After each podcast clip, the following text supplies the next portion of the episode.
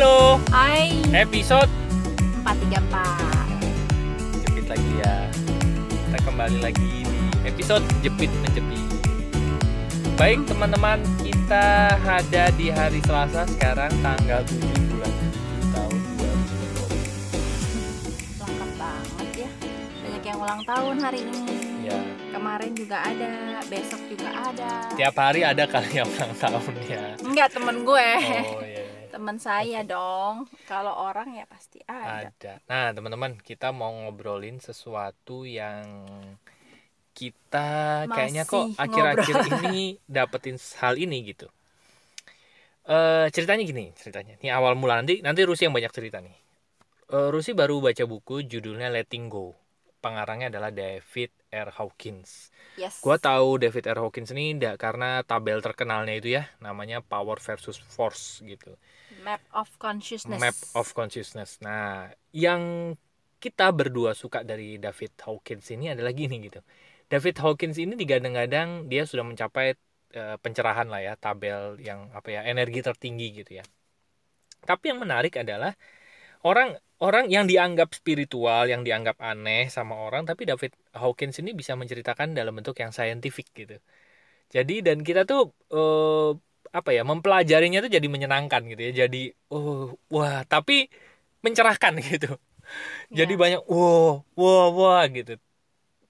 Tapi menyenangkan gitu apa ya eh, banyak hal-hal yang eh, bisa kita nalar, kita logis jadinya. Dan gue akan lama sekali baca buku ini Oke kalau gitu saya beli bukunya aja daripada nunggu dia. Iyalah Eh, tapi nanti deh, gue masih punya dua buku yang harus gue baca. Nah, Karena ya itulah Kalau gue kan baca bukunya Gue ya. gue mengerti gue resapi satu kalimat bisa gue baca bolak balik gitu kan Iya. Nah, eh, ada sesuatu yang menarik dan ini yang Rusi mau ceritakan. Silakan Bu. oh udah segitu doang Iya, pembukaannya Pembukaannya gitu aja. ya jadi di buku Letting Go ini gue baru baca kata pengantarnya ngomong-ngomong Hmm. belum nyampe ke David R. Hawkinsnya dan kata pengantarnya ditulis oleh orang lain tapi dari kata pengantarnya aja gue menemukan sesuatu yang menarik gitu Hmm. jadi eh ada satu kalimat di kata pengantarnya itu tuh yang bilang begini mengapa kita Hmm. lebih banyak diselimuti oleh ketidakbahagiaan, padahal di dalam diri kita sendiri itu sudah ditanamkan kebahagiaan. Hmm. Itu kan hal yang paradoks ya. Iya, Sudah ditanamkan kebahagiaan, tapi kenapa benar. sepanjang hidup lebih banyak orang yang merasakan ketidakbahagiaan? Iya. Udah punya tapi merasa tidak punya gitu ya. Betul sekali. Itu bahasa gampang banget tuh ya. Iya.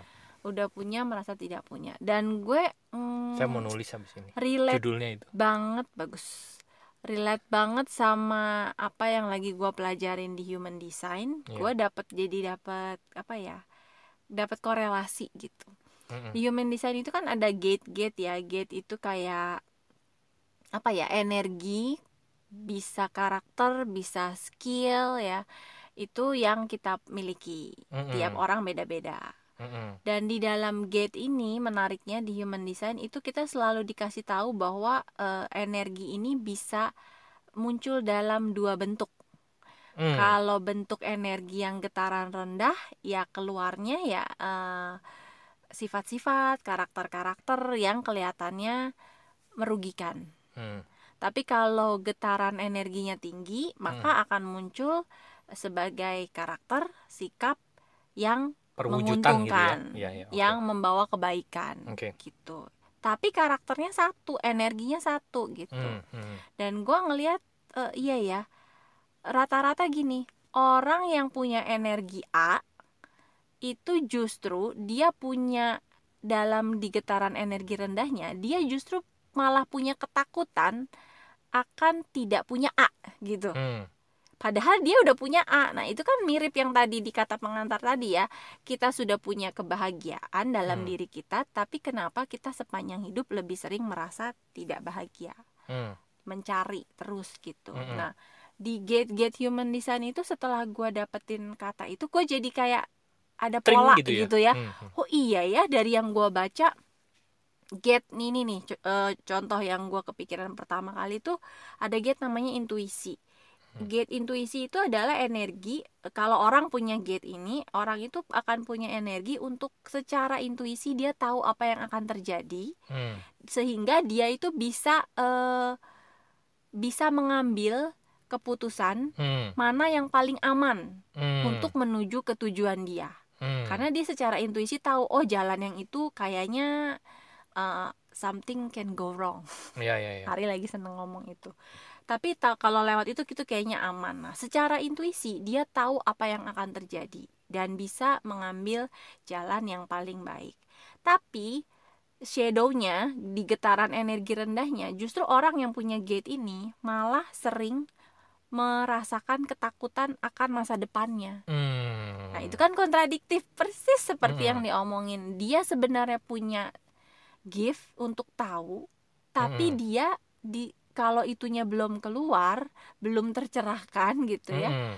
Malah keluarnya jadi dia punya kekhawatiran akan masa depan. Hmm.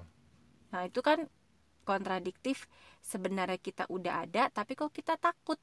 Hmm. Kita takut ti- tidak punya itu, padahal kita udah Mm-mm. punya gitu. Terus Mm. contoh lainnya tuh ada gate yang skill. Skills ini orang-orang yang punya uh, kemampuan banyak lah gitu. Hmm. Menariknya energi rendahnya yang muncul adalah perasaan takut tidak mampu. Iya, iya. Itu kan lucu ya, Merasa nggak berdaya malah ya. merasa nggak mampu. Nggak mampu, ya benar. Takut dia merasa eh, gini, tidak cukup hebat untuk melakukan ini, tidak Ya. cukup bagus untuk melakukan itu. gitu. Padahal sebetulnya, Padahal, iya. Dia itu sudah diberi gift, dia punya banyak kemampuan. Nah, Mm-mm. itu yang kontradiktif yang menarik yang baru gue temukan ada dua sumber yang ngomong dan dua-duanya gue yakin orang-orang yang sudah level terpercaya lah ya. pengetahuannya sudah dalam dan gue jadi dan gue sendiri merasakan gitu gue Hmm. sendiri ngerasain gue ngeliat gue bacain Ari juga dia ada Mm-mm. gitu kan kan gue tahu lucu ya gitu, lucu. Eh, ya memang. gitu gue tahu shadow shadownya Ari tapi pas gue bacain loh kamu itu harusnya nggak perlu ini orang kamu punya kamu itu punya gift itu gitu loh Mm-mm. Kan Tapi jadi- kok malah jadi yang takut keluar selama hal ini itu, iya, betul. yang yang keluarnya malah yang shadownya gitu Mm-mm. setuju gue nih. Ya, ya, ya. Nah, kayak gue bilang tadi sama Rusi ya. Rusi itu juga sama. Rusi itu salah satu eh, Rusi itu punya misi jiwa itu kan pengen punya ruang ya. Pengen punya ruang sama dirinya sendiri dan eh, dia pengen ngasih tahu orang bahwa lo juga punya ruang yang lo bisa menciptakan apa ya menciptakan ruangan lo sendiri gitu yang mewah. Nah tapi yang lucunya adalah perjalanan hidup Rusi itu malah nggak punya ruang loh gitu. Jadi dia dari kecil itu hidup di keluarga besar. Ya, jadi menurut gua gini ruang it- ru- ruang yang gua maksud adalah ruang fisik dan juga ruang secara mental Ya. gitu ya Ruang secara fisik itu maksudnya pribadi Ya, ruang secara fisik Rus itu kan di keluarga besar, ya dia dia nggak punya privasi Kamar di sana, nggak punya nggak punya. kamar segala macam karena di situ ada segala macam lah keluarga besar ya lo tau lah bayangannya gimana. Nah, dampaknya adalah dia juga tidak punya ruang terhadap pilihan-pilihannya dia. Pilihan-pilihannya lebih banyak di di tanda kutip dicetak gitu ya sama lingkungannya gitu betul lebih baik kuliah di sini ngambil hidup ini ngambil ini ngambil ini ngambil itu gitu karena banyak yang banyak keluarganya yang terlibat di situ banyak gitu. yang mikirin gue banyak yang sayang sama gue gitu jadi Mm-mm. eh, dan zaman dulu kan belum ada ya pengetahuan parenting sebanyak sekarang jadi ya eh, pilihan-pilihan pekerjaan juga dulu terbatas ya Mm-mm. orang lebih jalurnya itu kayak sudah terpetakan lah. Kalau kamu pinter di sini berarti kamu harus ngambilnya itu. Supaya nanti jadi itu dicariin yang kayaknya peluang masa depannya bagus. Maksudnya Mm-mm. baik gitu. Tapi kan tidak pernah ada pertanyaan kamu sukanya apa? Mm-mm. kamu minatnya ke mana? Mm-mm. kamu itu eksplornya di mana? Gitu ya. Mm-mm. itu kan pertanyaan-pertanyaan yang gue bisa bilang eh, mewah untuk zaman dulu Mm-mm. nggak tahu di keluarga orang ya tapi di keluarga gue gue merasanya begitu dan itu termasuk ruang juga kan ya Mm-mm. ruang untuk seseorang untuk bisa mengambil pilihan-pilihan atas hidupnya Ya, gitu ya, ya, ya. nah misi jiwa gue sebenarnya itu tapi gue malah nggak belum mendapatkan itu ya Mm-mm. ya berarti memang gue perlu membentuk itu Iya. Oh iya iya iya. Baik baik baik baik. Iya iya iya.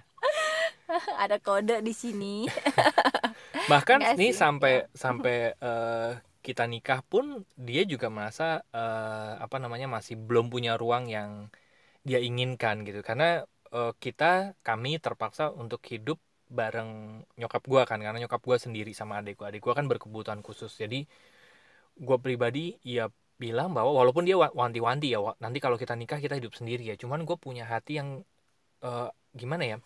Rasanya ya lo- ada nyokap gue sendiri dan adik gue berkebutuhan khusus kayaknya kalau gue lepas di rumah sendiri tuh yang jagain mereka siapa gitu ya tapi Gua belum sampai- pinter dong gue waktu belum punya pacaran sampai hati untuk melakukan itu gitu Ari pinter waktu pacaran gue bilangin gitu iya iya oke Mm-mm. oke Oke. kenyataannya enggak ya ya sudah 10 belum tahun. lah belum lah belum gitu. Makanya- apa-apa sih.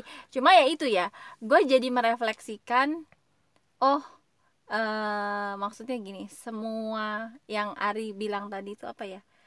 Eh, k- kita punya apa kamu bilang tadi?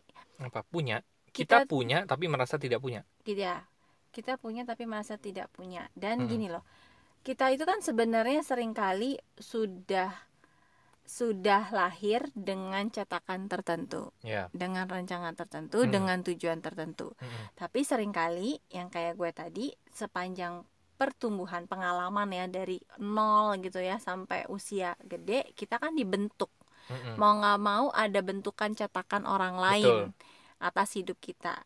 Nah, tapi juga sebenarnya ada maksudnya juga kenapa kita terlahir di lingkungan itu yang. Betul. membentuk kita jadi seperti itu. kok jadi sebaliknya malah Iya, gitu ya Iya. gitu. Nah, berarti sebenarnya refleksinya adalah ada pelajaran-pelajaran yang perlu kita selesaikan, PR-PR yang perlu gue selesaikan supaya untuk gini, untuk gue bisa menemukan diri gue lagi dan eh, apa ya?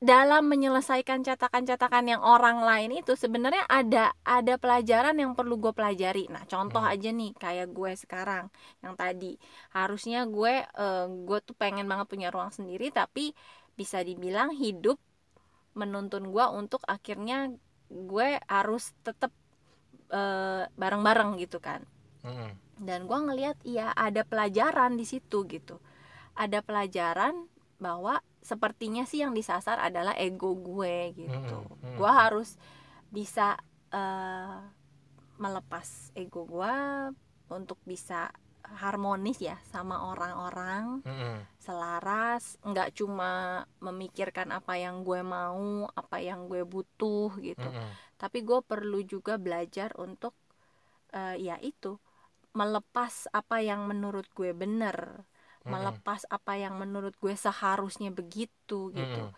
karena bisa jadi ya itu pelajaran gue pribadi nih gitu. Mungkin selama ini gue banyak megang itu dan eh, gue sih belum ketemu ya. Tapi someday mungkin menurut gue kalau gue udah bisa lepas itu mungkin tanda kutip ruang sendiri itu malah jadi bisa kesampaian gitu. Karena gue udah selesai dengan PR gue. Nah sepertinya gue belum beres nih sama PR gue. Makanya yang keluar juga masih yang kebalikannya.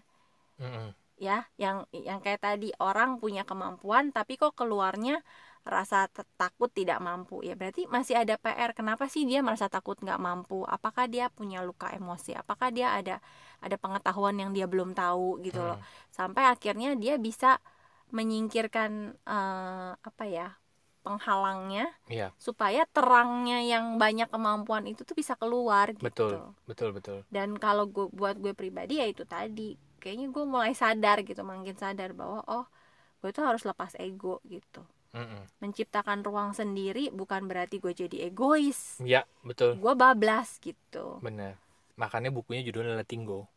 ya Iya gue kan? harus melepas ini wah nanti kalau saya habis baca buku itu tiba-tiba saya jadi ting gitu jangan heran ya bohong banget kayaknya Sebetulnya saya sudah menantikan kamu di titik itu. kenapa maksudnya Iya. berarti sekarang Iya. sekarang parah gitu ya Enggak sih, enggak parah. Ya Oh. sudah sudah berkembang lah gitu. Jadi cuman saya nanti tahu kalau kita di titik itu kita bisa sendiri tetap aja itu belum lepas itu pertanyaan dari saya yang sekarang mungkin nanti kalau habis Iya. baca buku pertanyaan saya sudah bukan itu Iya, iya, iya. Oke, mungkin jangan-jangan kamu belum punya ruang sendiri gara-gara kamu belum lepas ego itu. Begitu iya begitu itunya udah lepas, jangan-jangan nanti ting ma gitu ya. eh, begitu jadi Tapi nggak jadi udah udah nggak kepengenan malah malah malah sampean dapet, kan gitu. gitu ya banyak eh, sering kali begitu memang mekanismenya aduh Iya sih, baiklah apa apa yang Rusi sampaikan tadi tuh PR gue. gua ngalamin orang-orang lain gua banyak banget ngelihat orang yang gua kenal secara pribadi tuh ngalamin gitu ya cuman ya tadi yang Rusi cerita gitu ternyata eh, apa ya gua ngerasa bahwa perjalanan hidup kita itu kayak untuk mengkonfirmasi bener nggak bener nggak lo kekeh sama panggilan hidup lo gitu ya karena Ya. sering kali kita jadi belok belok belok belok belok belok dan sebenarnya itu gara-gara itu. tadi panggilan hidup itu sering kali baru kita bisa eh, jalani ketika kita udah banyak belajar bener lepas betul. lepas ego bener. belajar gitu. Karena sering kali caranya ternyata bukan seperti yang kita pikir dengan ego kita gitu. Bener. Betul betul betul betul karena gue juga mintanya gini sih. Gue mintanya adalah gue pengen semuanya baik untuk Hmm. semua. Jadi gue pengen seandainya eh, apa yang gue mau terwujud pun itu selaras gitu. Ya nggak ada drama nggak ada yang merasa dirugikan tidak everybody happy gitu iya gue pengennya tuh ya udah kalau itu terwujud semuanya happy semuanya mendukung gitu ya.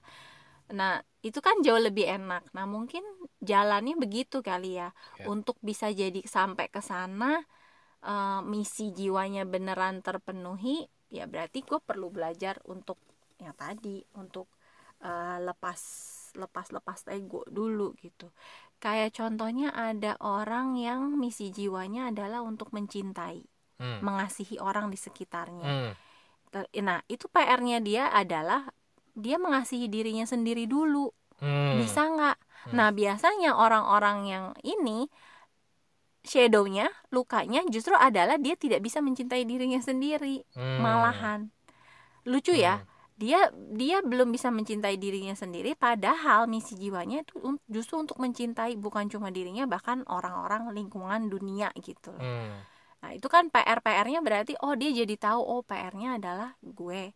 Gue perlu mengasihi diri gue sendiri dulu nih. Begitu dia udah mengasihi dirinya sendiri, memang pada dasarnya dia adalah cinta, dia itu adalah kasih kan.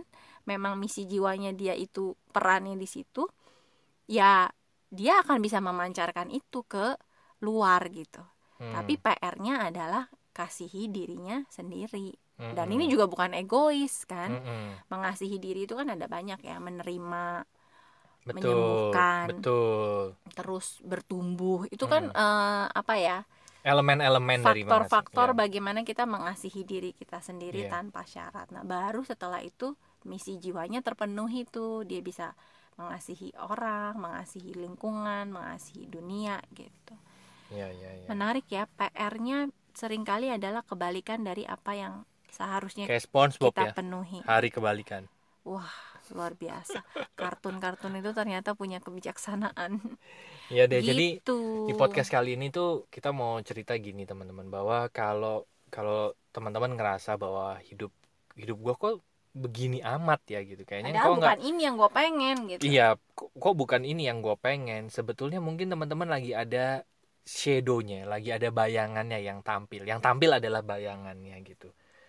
Padahal terus jangan menjudge bahwa ya udah gue memang kayak gini gitu. Hindari hal itu. Ini cuman cuman karena ada gua gua tadi waktu Lucy cerita bayangan itu gua tuh kebayang ini loh. Gua lagi di depan proyektor gitu. Lo tahu itu ya infokus itu ya? Iya, iya, iya. ya kan misalnya dia lewat. dia nembak ke layar gitu ya kan eh, terang. terang tuh ya. Terus begitu kepala gua nongol truk muncul tuh kepala gua di belakang tuh ya. Hmm. bayangannya kayak gitu. Tapi kan sebetulnya tampilan aslinya di sana bukan kepala gua dong harusnya. Ya, tampilan aslinya adalah apa yang ada di, di pro- yang di- diproyeksikan sama si proyektor tersebut. Betul. kalau kepala gua gua singkirin lagi gitu ya kepala gua nggak menghalangi sinar proyektor tersebut yang tampil adalah satu bayangan yang utuh satu gambar yang utuh apa yang diproyeksikan oleh proyektor tersebut betul gitu. jadi Nah, kalau ada huruf A yang diproyeksikan terus ada kepala gua nutupin sinar proyektor tersebut A-nya ketutupan bukan berarti A-nya itu nggak ada itu karena ketutupan muka gue gitu kan tapi begitu gua menyingkir A-nya itu akan kelihatan kan? Karena memang Gitu. dia sudah ada di situ dia yang sudah terpancar gitu. Yang terpancar adalah hal itu. Nah sama juga kalau teman-teman ngerasa sekarang kok kayak kalau kata SpongeBob tuh kebalikan hidupnya ya Kalau teman-teman pengen mencintai orang tapi kok kayaknya gua malah dibenci orang. Bisa jadi kayak gitu kan? Gitu ya. Terus apa pun itulah eh, bukan Nan, iya. bukan bukan takdirnya teman-teman seperti itu. Cuman ada ada bayangan yang menutupi aja ada objek yang menutupi hal tersebut gitu. Dan kalau itu sekarang teman-teman lagi merasakan kebalikan dari hidupnya teman-teman ya tadi eh, refleksikan aja ke dalam gitu ya. Gue juga ngelakuin itu dan ya panjang sih memang perjalanannya. Rusi juga sama.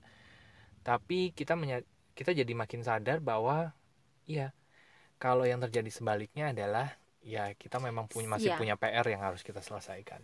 Dan sebenarnya kita punya gitu. Kita, Kita punya, punya, kebalikan mm-mm. kita punya yang sebaliknya itu. Betul Dan apa yang ada diproyeksikan di proyektor itu kan. Betul. Waktu gue pertama baca human design itu juga gue eh apa ya jadi ter tercerahkan karena gue jadi tahu oh kualitas diri gue yang menurut sekarang gue merugikan itu ternyata eh bukan diri gue begitu gitu Mm-mm. diri gue itu harusnya yang sebaliknya cuma memang masih uh, Mm-mm. ketutup gitu nah Mm-mm. PR-nya yang tadi Ari bilang tapi di balik sana sebenarnya kita tuh udah kita tuh memang dari sananya berlian gitu memang Mm-mm. udah dari sananya batu permata yang bersinar gitu jadi uh, kalau sekarang yang kelihatan masih yang berpasir berpasirnya justru itu bukan diri yang sebenarnya betul gitu. betul. Oh iya itu yang masih dan kata-kata tadi bukan kata-kata motivasi ya teman-teman. Kalau kata-kata motivasi itu bukannya salah enggak. Memang dasarnya kita berlian kata Rusi tadi ya kita tuh memang bercahaya. Cuman seka, cuman yang per, kita masih punya PR untuk kita dap, nemu berliannya yaitu adalah kita harus menyingkirkan yang kan berlian itu katanya ada di kedalaman bumi ya Hmm. kita harus menyingkirkan tanah tuh yang banyak mungkin gitu jadi bukan tiba-tiba kalau kita bilang kita bisa gitu ya atau oh, kita apa tiba-tiba kita langsung jadi kayak gitu ya. gitu enggak Bukan gitu ya ya. tapi ada perjalanan untuk menemukan berlian itu gitu dan ya itu perjalanan untuk menyibak Cuma yakin target. bahwa eh, ya memang kita dasarnya bahwa itu itu ada Betul. gitu. Jadi jangan sampai identitasnya malah jadi identitas yang di luar tadi yang Iya. pasir, kotor gitu. ya Karena itu sebenarnya bukan bukan diri yang benar sebenarnya. betul betul betul Gitu. Jadi gitu deh teman-teman. Semoga podcast kali ini memberikan sesuatu buat teman-teman. Buat teman-teman yang masih ingin ngobrol bareng kami, silakan masuk aja ke website kami yaitu. Lompatanhidup.com. Nanti ada tiga page di sana. Yang pertama ada home buat ngobrol, buat cicet, buat kasih sudut pandang, kasih apa lagi ya, topik, kasih Ya. segala macam lah.